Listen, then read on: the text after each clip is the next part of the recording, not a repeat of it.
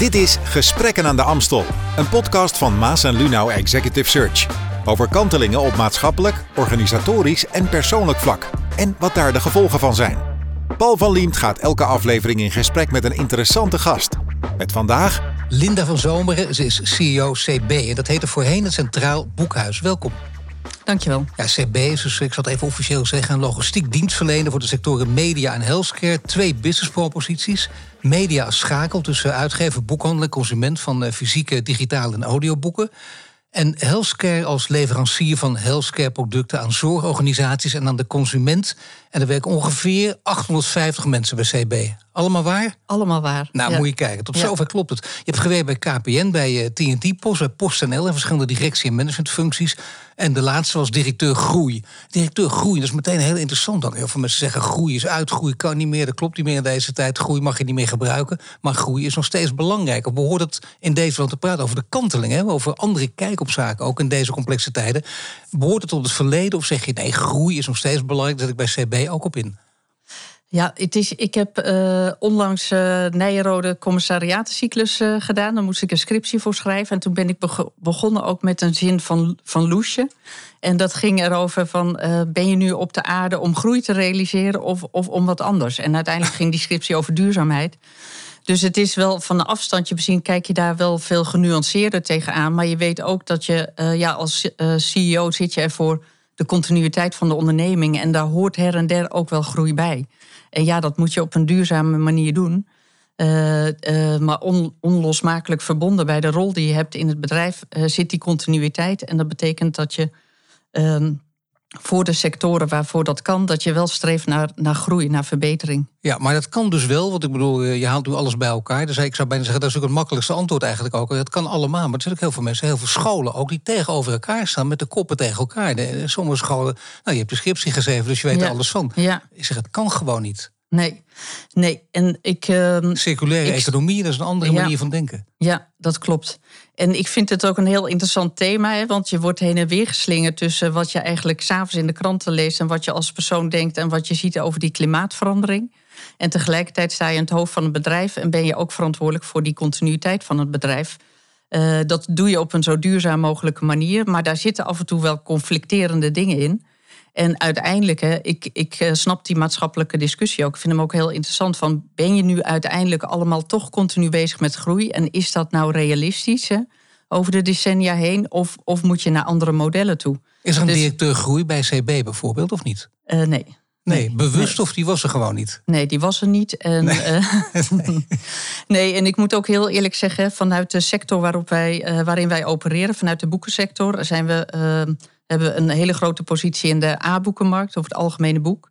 Maar in die eh, mediasector, in de boekensector, zitten ook nog heel veel groeimogelijkheden voor CB, waarbij de uitgevers het een logische functie vinden dat CB eh, meer gaat doen op het educatieve segment voor Engelstalige en internationaal wetenschappelijk. Dus ehm, En minder op? Minder op welke gebieden dan? Ehm, nou, daar zit automatisch wel wat groei, maar er zit ook wel afschaling op eh, logistiek, eh, op wat logistieke healthcare activiteit, waarvan we zeggen dat past dan wat minder bij ons. Eh, we hechten heel erg aan de healthcare propositie die we hebben om het makkelijker te maken voor de zorgverlener. Ehm, om de, eigenlijk zeggen we ja, de uren die de zorgverlener heeft, laat dat nou zoveel mogelijk aan het bed besteed worden en laten we ontzorgen in administratieve taken. Dus waar we vooral het grote goed bij CB Healthcare zit in eh, de app waarin we faciliteren dat een zorgverlener de producten kan bestellen voor een cliënt. En dat eh, kan doen voor verschillende leveranciers, voor verschillende producten. Eh, wij hebben een aantal producten wel op voorraad aan leveren, maar wij ontzorgen ook in het zorgen dat de, de zorgverzekeraar de declaratie betaalt. Dus dat hoeft de zorgverlener zelf ook niet meer te regelen. En dat wij ook de benodigde vinkjes hè, voor die, ehm, eh, vanuit die verzekeraar ophalen.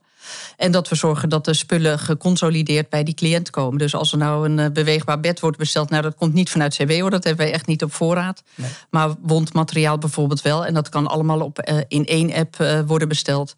Dus CB Healthcare zit wel ook wat meer op een maatschappelijke doel van laten we het voor de zorgverlener zo makkelijk mogelijk maken. Maar En dat is het door- afschaling. En dat betekent natuurlijk wel, dat wordt kleiner vergeleken met de, de mediasector. Als je praat over de vierkante meters in de logistiek wel, maar niet op, op de platform en die platformlogistiek. Maar er was heel veel logistiek bijgekomen. En daarvan zeggen we, ja, dat, voegt dat nou waarde toe? Hebben we daar synergie? Uh, en daarvan zeggen we, die vierkante meters kunnen we beter gebruiken voor de sector waar we groot in zijn. En dat is de boekensector. En, uh, Overigens ook fictie en non-fictie? Of vooral toch alle, alle, boeken. alle boeken die in de boekhandel te koop zijn of bij Bol, die komen bij CB vandaan. Uh, dus dat is fictie, non-fictie, uh, educatieve boeken, alles. Nu is het wel zo dat we in deze serie praten over de kanteling ook in algemene zin. Hè? Je hebt al een paar dingen gezegd, maar je hebt ooit bedrijfseconomie gestudeerd aan de VU in Amsterdam. En je ziet ook op economisch gebied dat er verschillende scholen zijn, veranderingen. En sommige mensen zeggen, dit is inderdaad, veel mensen zelfs zeggen in deze serie, zelfs bijna iedereen beaamt het ook, dit is een tijd van kanteling. Dat wil zeggen, een complexe tijd die ook een andere manier van leiding geven vergt, een andere manier van denken. Ervaar je dat ook zo of niet? Ja, ik denk het thema wat we net hadden van naar uh, uh, duurzaamheid. En uh, ik denk wel dat, dat iedereen aan het beseffen is dat duurzaam opereren toch een soort license to operate wordt naar de toekomst toe. En dat is niet van de een op andere dag, hè, maar je moet daar bewust mee bezig zijn, zodat je daar straks klaar voor bent. Hè. Dat wordt een kwalificatie ook vanuit klanten om business met je te gaan doen. En ik denk dat dat denken steeds meer beklijft en dat steeds meer bedrijven, hoe moeilijk het ook soms is, hè, uh, zich wel bewust van zijn dat dat stappen zijn die je moet zetten. Maar een bedrijf dat al heel lang niet meer bezig is, een bedrijf als Patagonia, binnenkort zelfs bijna 50 jaar bestaat, die zeggen: Nou, wacht even, het gaat zelfs nog veel verder. Het is niet alleen maar duurzaamheid, want zo kan het ook zijn. Duurzaam omdat het moet of omdat de klant het wil. Dat is u vraagt, wij draaien. Nee, omdat wij zelf verantwoordelijkheid pakken. Die willen zelfs van het woord duurzaamheid af en die willen het verantwoordelijkheid noemen. Zeg je dat gaat veel te ver? Ze zijn voorlopers, dat zijn wij niet. Of ga je ook die kant op? Nou, wij, wij zijn geen voorloper uh, als je het over de maatschappij beziet. We zijn wel voorloper in de boekensector en proberen daar echt ook de, de uitgevers en de partijen met wie we werken mee, uh, in mee te nemen. We organiseren daar ook de benodigde bijeenkomsten voor. Uh, wij, zijn, wij zijn niet het voorbeeld voor Nederland of voor, voor grote, maar we proberen wel het, het voorbeeld en de trekkersfunctie te hebben in de boekensector. Maar dat, dat, dat verhaal van Patagonia, dat is dan te groot bijna. Om te zeggen, we gaan het woord duurzaamheid weggooien. Wij gebruiken ook het woord verantwoordelijkheid. Want wij willen de maatschappij nou, mooier ik vind en het wel, maken. Uh, ik vind het wel een interessante gedachte. Omdat dat, dat um, uh, juist waar we het net ook over hadden... van ben je nu op aarde om uh, je bedrijf te laten groeien... en om, al, hè, om je... En dan kun je ook zeggen voor Nederland, hè, om je binnenlands product te laten groeien, of moeten we de aarde beter achterlaten? Dat thema is, is heel interessant. Dus ik vind het wel een interessante gedachte om de lat wat, misschien wat hoger te leggen. Dat is niet hoe we nu. Daar moet ik ook heel eerlijk zijn. Hè, van ik zit er nu net een jaar. We hebben ook. Uh, dat is nog niet waar ik nu mee bezig ben. Nee, dat snap ik ook. Nee. Dat zou een onmogelijke eis. Dat zou niemand kunnen, zelfs in jouw positie. Dus daar gaat het ook niet om. Maar dat betekent wel dat er stappen worden gemaakt op, laten we het nog even noemen, duurzaamheid en digitalisering. Die beide zijn heel erg groot en belangrijk. Ja. Nou, bij duurzaamheid heb je natuurlijk ook in jouw sector te maken met, uh, met retouren, met verpakkingen. Ja. Eh, met het hele assortiment waar natuurlijk naar gekeken wordt, met bezorging, alles bij elkaar. En dan heb je dus, als het met een lelijk woord heet, de hele keten te pakken. Ja. Dat betekent wel dat je zelf, dus in jullie geval ook CB, als je zegt wij zijn duurzaam, we maken een jaarverslag, staat er allemaal in, we pakken onze verantwoordelijkheid, dat je ook moet weten wat er in de hele keten speelt. En ik merk dat er heel veel mensen dan, dat, dat, dan reizen de haren ten berg om te zeggen, daar hebben wij geen kijk op, dat kunnen we niet. Wat vind jij? Wij hebben dat ook nog niet uh, op alle aspecten in die keten. We hebben het uh, wel uh, steeds meer en beter op die aspecten die we zelf kunnen beïnvloeden. En proberen daar ook, ook de, nou ja, de stappen in te zetten die we kunnen zetten.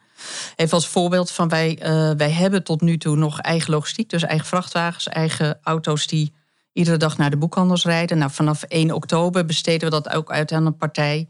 Waarbij we zorgen voor samenvoeging. Want jullie eigen auto's, dat zijn dieseltjes? Ja. ja. Zo, serieus? Ik denk, ik maak een grap. Nee, toch? Ja. Dat kan niet, hè? Die moeten nou, snel weg natuurlijk. Uh, daar ben, eens, ben ik het helemaal mee eens. Uh, als maar je ben, nu ben jij het ermee eens of zijn, zijn ze, horen ze bij het CB voor het eerst? Want er zijn misschien ook een paar mensen die erin zitten... en die, die zijn eraan gehecht geraakt.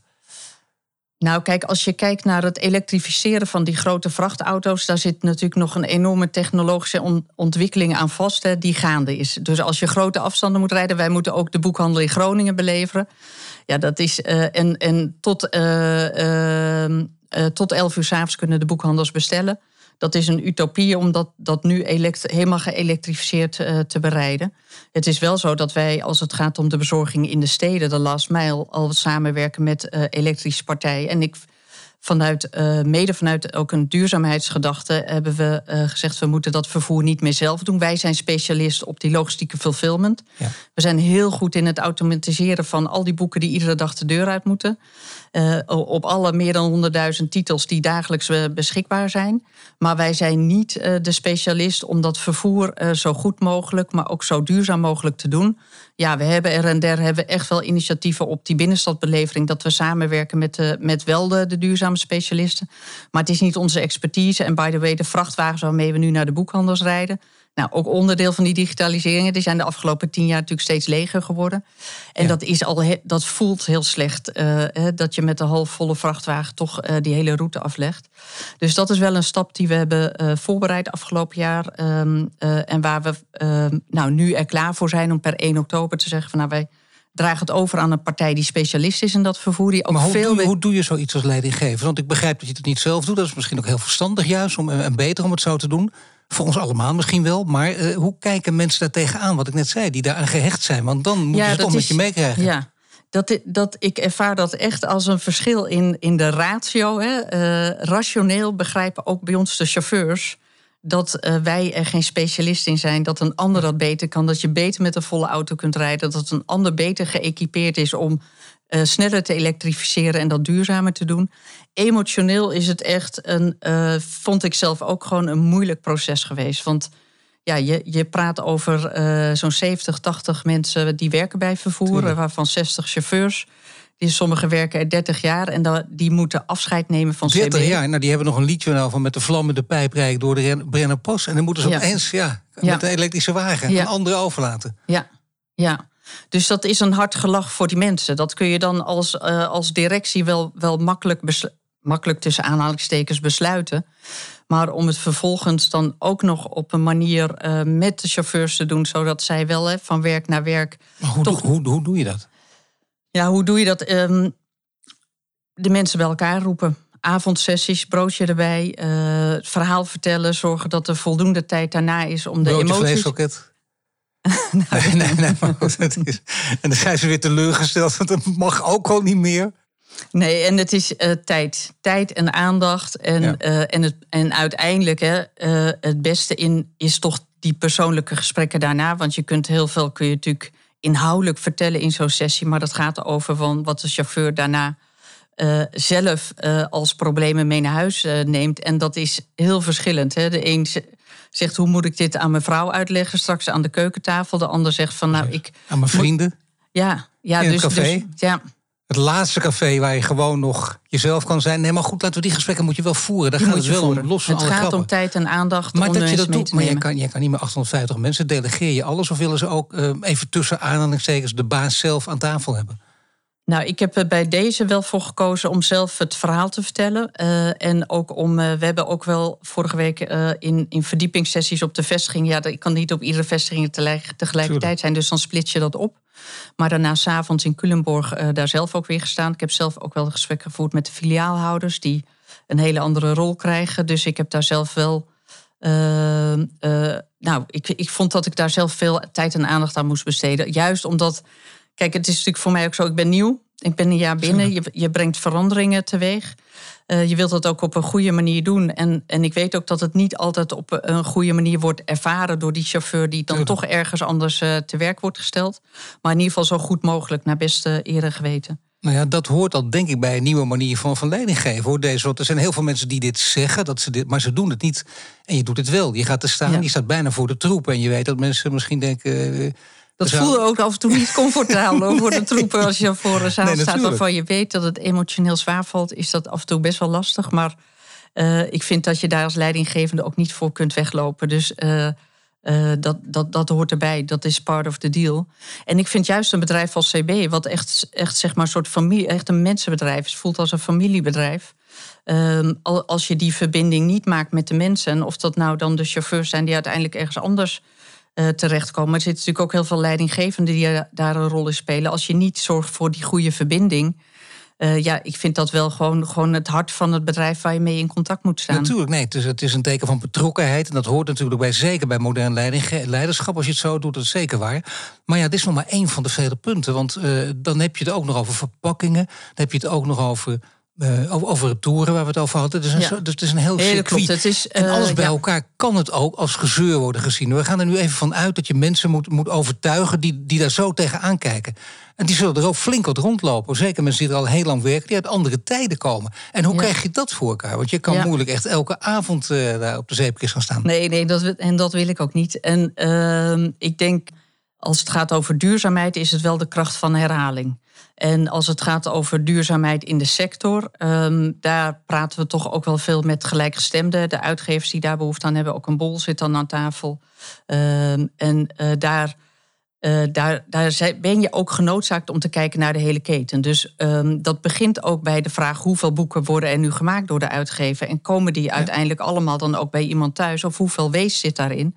En kunnen we dat met elkaar aanpakken? Dus het is wel, um, ieder heeft daarin zijn eigen rol.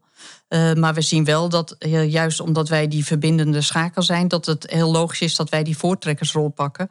En dat zijn, dat zijn ook niet altijd makkelijke discussies. Want eigenlijk zeg je tegen een uitgever die een boek uitgeeft, die denkt altijd: dit boek gaat het worden en dat wordt de bestseller. En ja, dat is natuurlijk heel vaak niet het geval. Dus heel vaak blijven wij met heel veel boeken achter. Uh, die je eigenlijk voor niks hebt gemaakt. Hè. Dat is CO2-uitstoot. En die je ook weer moet vernietigen. En dat is ook weer CO2-uitstoot. Tenzij je zegt, ik zie een ontwikkeling naar volledig bijna digitaal. Dat bijna alle boeken alleen nog digitaal gemaakt zullen worden. Over vanaf nu gesproken nog een jaar of tien. Wij praten in 2023 voor de duidelijkheid. Denk je dat het zo snel zou kunnen gaan of niet? Nee, ik, denk, ik, denk, ik zie wel dat wij steeds meer uh, boeken, uh, en dat noemen we printing on demand, dat er minder boeken worden uitgegeven in bulk. En dat er uh, veel meer kleinere volumes in aanvang worden geproduceerd. En dat als een titel hard gaat lopen, dat we dat met een printing on demand, dat we dat uh, gaat oplossen. Dus je kunt zeggen, eerste drukken is 2000, maar stel dat het opeens storm loopt, dan kun je dat dan ook kun je binnen, binnen een paar weken... Kun je, nou, zelfs overnight kun je, kun je zeg maar uh, voldoen aan, bij wijze van spreken, de 100 exemplaren die je de volgende ochtend uit Maar dat is toch al een enorme stap? Ik bedoel, dat is echt enorme stap. niet gekund. Ja. Mensen dachten ook hoe moeilijk het is. Dat is maar een enorme je, stap. Je, ik heb ook wel vorig jaar ervaren als van ja, we groeien daarin heel erg. En we, maken de, we hebben de goede discussie met de uitgevers en binnen de sector. En we zetten daar stappen in. Maar je moet je ook voorstellen dat we vorig jaar starten in, in een jaar waarin er ineens sprake was van papierschaarste en papierprijzen die, die Ja, enorm de pan uitrezen. Dus wat. En de reflex is dan ook van uitgevers, en dat snap ik ook wel, van eh, ik wil straks niet zonder boeken zitten, dus ik maak er maar wat extra. Dus, het is, ehm, dus ja, hè, de impact van eh, maatschappelijke ontwikkeling is soms enorm en ook zo moeilijk te voorspellen. Eh, al, als je toen had geweten dat die papierprijzen dat het weer goed zou komen, had daar natuurlijk een hele andere trend in gezeten. Dus het blijft ook wel de kracht van herhaling en met elkaar terugkijken hoe hebben we nu, en dat doen we ook hè, met de uitgevers, hoe hebben we nu afgelopen jaar gedaan? Eh, welke boeken zijn erbij gekomen? Wat is er afgegaan? Wat hebben we nog op voorraad? En daar, daar vooral naar de toekomst toe proberen echt te verbeteren met elkaar. Dat begrijp ik. En dan probeer je natuurlijk eh, te kijken wat ook het belangrijkste is. Want je kunt niet alles even belangrijk vinden. Dat is ook een kwestie van prioriteiten stellen. Ja. Eh, Ja. Als het gaat over duurzaamheid, dan hebben we het ook nog niet over verpakkingen gehad. Is dat bijvoorbeeld een belangrijke, maar nummer drie of vier in, in de lijn? Of staat die met stip op één? De verpakkingen, die, bij verpakkingen, eh, wij verpakken naar, ja, naar de consumenten. Dat is eh, eh, verpakking die wat waste is. Als de consument het weggooit, dan is dat voorbij de verpakkingen die we gebruiken naar de boekhandels. Die, worden, die nemen we weer mee terug. Dus Dus die gebruiken regelmatig op Twitter weer iemand die fotootje stuurt... en dan kijken ze even, ik heb dit kleine dingetje besteld... en dan een hele grote doos. Ja. Dat, dat, dat idee natuurlijk, dat is het meest simpele. Maar het Ja. komt blijkbaar nog heel vaak voor. Ja, nou dat, dat is bij ons wat minder. Hè, want eh, wij proberen de. We hebben, als wij boeken inslaan, om even zo te zeggen, dan weten wij precies de afmeting van het boek. En wij weten welke verpakking er uiteindelijk bij moet. Als het een boek is wat als eentje wordt eh, besteld door bij bijvoorbeeld Bol, dan weten wij welke verpakking er omheen moet om zo, zo min mogelijk verpakking te hebben. Maar dan Dus weet je we- ook wat voor materiaal je daarvoor gebruikt? Ja, ik bedoel, dat doet er ook echt toe. Is, is het, wat voor soort plastic is het? Wat voor soort papier is het dat je gebruikt als verpakkingsmateriaal? Ja, ik weet daar zelf niet de details van. Nee, maar ik weet wel dat wij samen bijvoorbeeld met Bol, waarvoor we natuurlijk heel veel boeken verzenden, eh, dat dat echt een thema is en waarbij, wij, eh, waarbij dat ook een gezamenlijk proces is om dat zo duurzaam mogelijk te doen. Hoe wordt Ja. het ervaren, want dat merk je als leidinggever als geen ander... wordt het ervaren als eh, gezeur en het moet... en ja, het zijn Nee. nou eenmaal regels en in Europa gebeurt het ook... al zegt iedereen, nee, geweldig, leuk, heerlijk, we gaan vooruit met z'n allen. Nou, het zit, het zit er wat mij betreft een beetje tussenin. Ik ervaar echt helemaal niet dat die discussies en de gesprekken daarover worden ervaren als gedoe. Helemaal niet. Het is, bij iedereen zit echt wel het besef hè, van zo doorgaan als nu kan niet. En we moeten met elkaar veranderen. En dat is niet makkelijk, hè. dat vraagt efforts, maar het moet. En, dat is, en het is ook denk ik wel een beetje van, vanuit gedrag volgt hiërarchie. Zolang wij dat voorbeeld geven als directie. Moet je zelf steeds, ook... ja, tuurlijk, je moet het goede voorbeeld ook geven. Maar hoe doe je dat dan, het goede voorbeeld geven? Uh, nou, door uh, het begin met op de agenda te zetten om uh, het bespreekbaar te maken en ook om de consequenties daaraan te verbinden. Met bijvoorbeeld nou, het vervoer waarvan we zeggen dat dat moet duurzamer.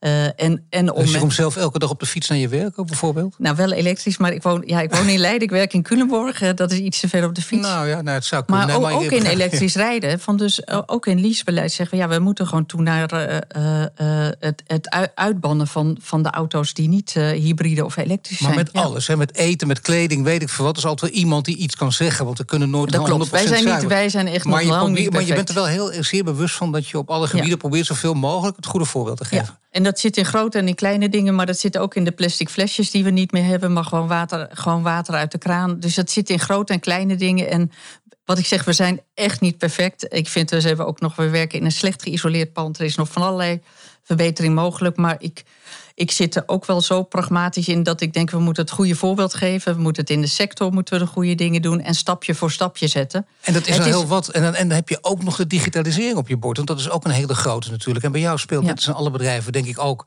eh, dat de termen IT en business worden gebruikt. Of met andere woorden, uh, ik schets maar zo simpel mogelijk. Uh, de, mensen die, de mensen van de inhoud en de mensen van de techniek. En, en, wie bepaalt dan uiteindelijk wat er moet gebeuren? En dat hangt er van af, denk ik, welke situatie. Het is van oudsher was, was er een hiërarchie, maar nu hangt het er maar vanaf natuurlijk. Hoe werken jullie daarmee? Ja, het is inderdaad, het is echt een kwestie van samenwerken en samengaan, want anders gaat het niet. En IT is een enorm belangrijke component in ons bedrijf. Iedere order die binnenkomt bij ons dagdagelijks, ja, die wordt gewoon IT-technisch door ons hele proces gestuurd. CB is een zeker zin een technologiebedrijf. Ja, ja, ja. Dus wij, wij, wij uh, ene, ja, de, de orders worden natuurlijk helemaal uh, gestuurd. We hebben nou, we hebben 100, uh, meer dan 100.000 verschillende titels op voorraad. En die moeten Zelfs als iemand bij Bol nog uh, of vanuit de boekhandel om 11 uur s avonds besteld heeft, dan moet dat boek de volgende dag zijn.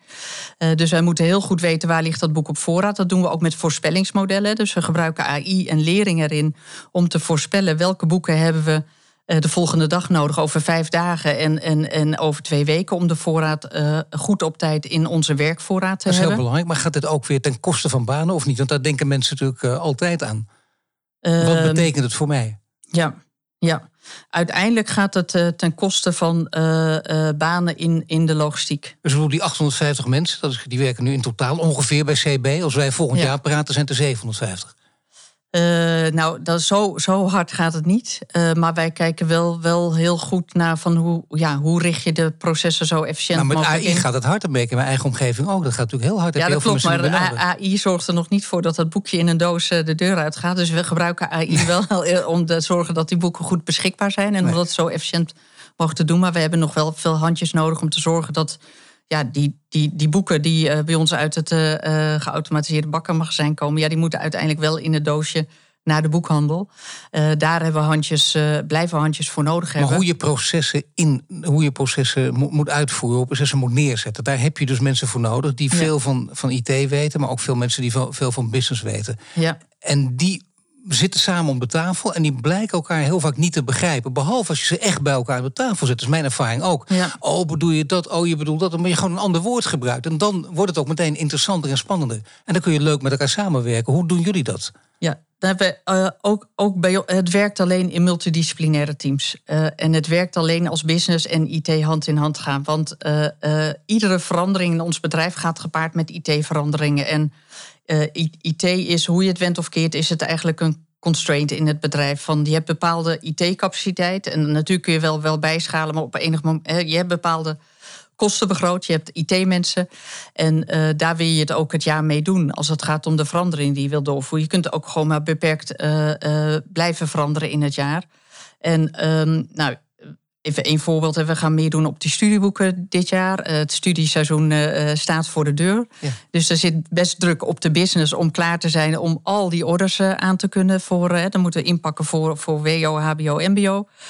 Um, En je wilt het ook goed besturen. Dus dat vraagt uh, IT-besturing om dag op dag uh, goed te weten welke orders komen binnen, hoeveel kunnen we verwerken en hoe koppelen we ook terug naar de, naar de uitgevers.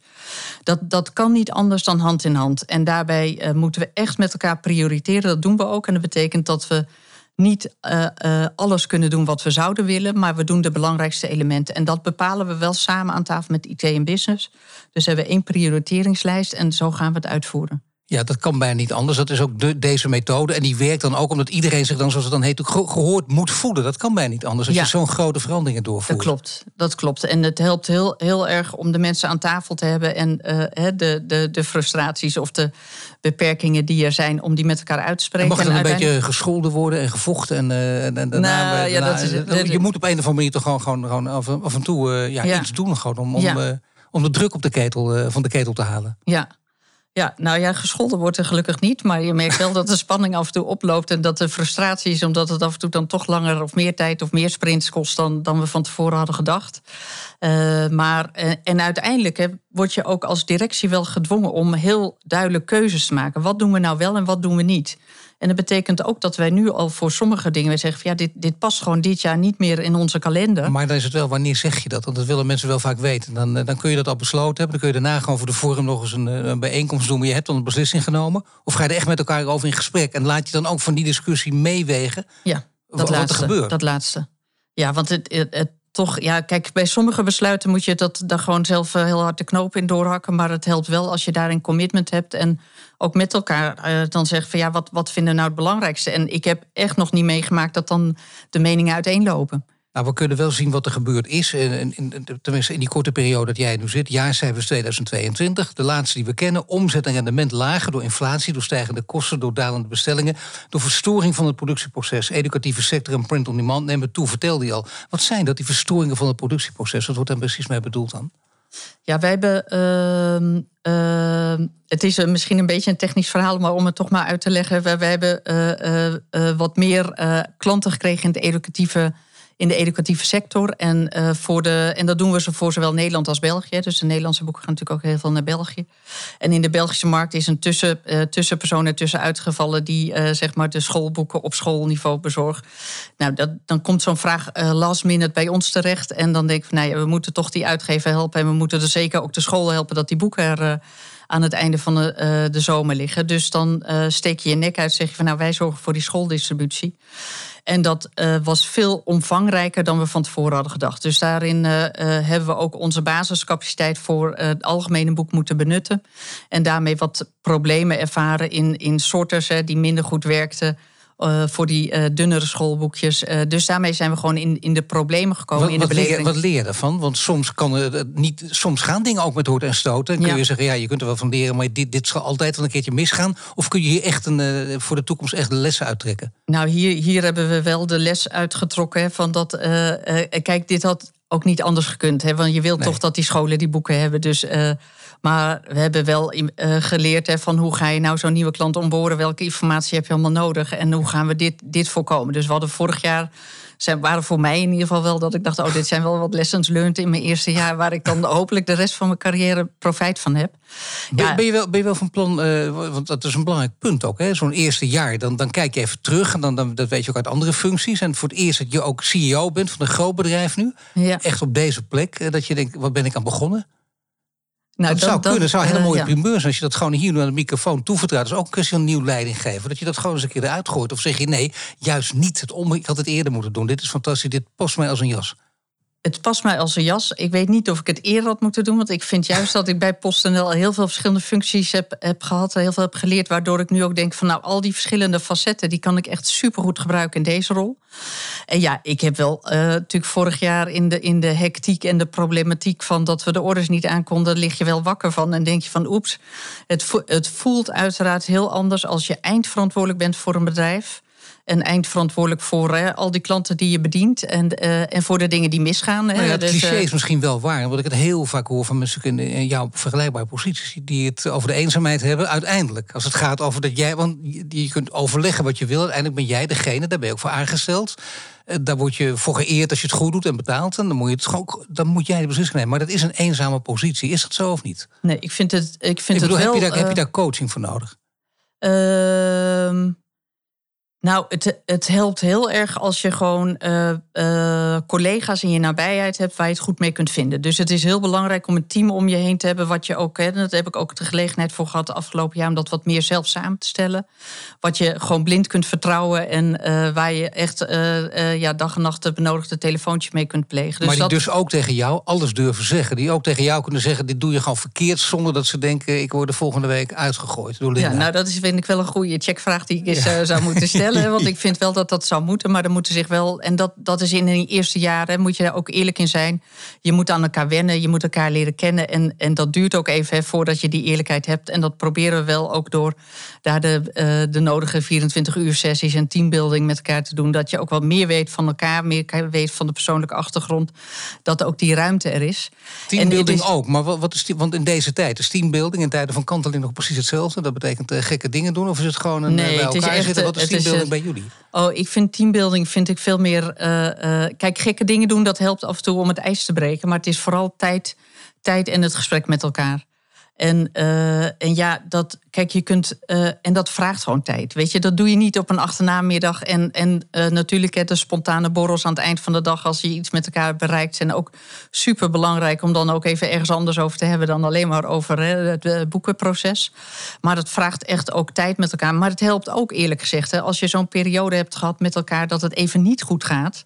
Ja, dan, ik, ik moet zeggen, kijk, het was niet fijn, fijn die tijd, maar het heeft wel gemaakt dat ik het bedrijf, maar ook de mensen in, in een razendsnel tempo heb leren kennen. Dus je, je leert als een gek het bedrijfsproces. Waarom gaat dit mis? Waarom gaat dat goed? En wat moeten we doen? En idem de mensen. Dus het, heeft, het is een vloek en een zegen. Kijk, je moet inderdaad daarna ook op de bühne staan bij de boekhandels en uitleggen dat, dat, dat het gewoon niet goed is geweest. En dat vond ik dan ook wel weer spannend, hè, van dat je daar staat en in je eerste jaar dat moet uitleggen. En aan de andere kant denk ik, nou ja, laat het dan ook, laat ik er gewoon maar vooral veel van leren en uh, dat meenemen naar uh, het volgende jaar. Spannend jaar. Je bent uh, zo ogenschijnlijk ook totaal niet ingestort. Heb er nog heel veel zin in. Ik dank je hartelijk voor dit gesprek. Linda van Zomer. Dank je wel. Dit was Gesprekken aan de Amstel. Een podcast over kantelingen op maatschappelijk, organisatorisch en persoonlijk vlak. Presentatie Paul van Liemt. En mede mogelijk gemaakt door Maas en Lunau Executive Search. Volg ons in je favoriete podcastplayer voor meer Gesprekken aan de Amstel.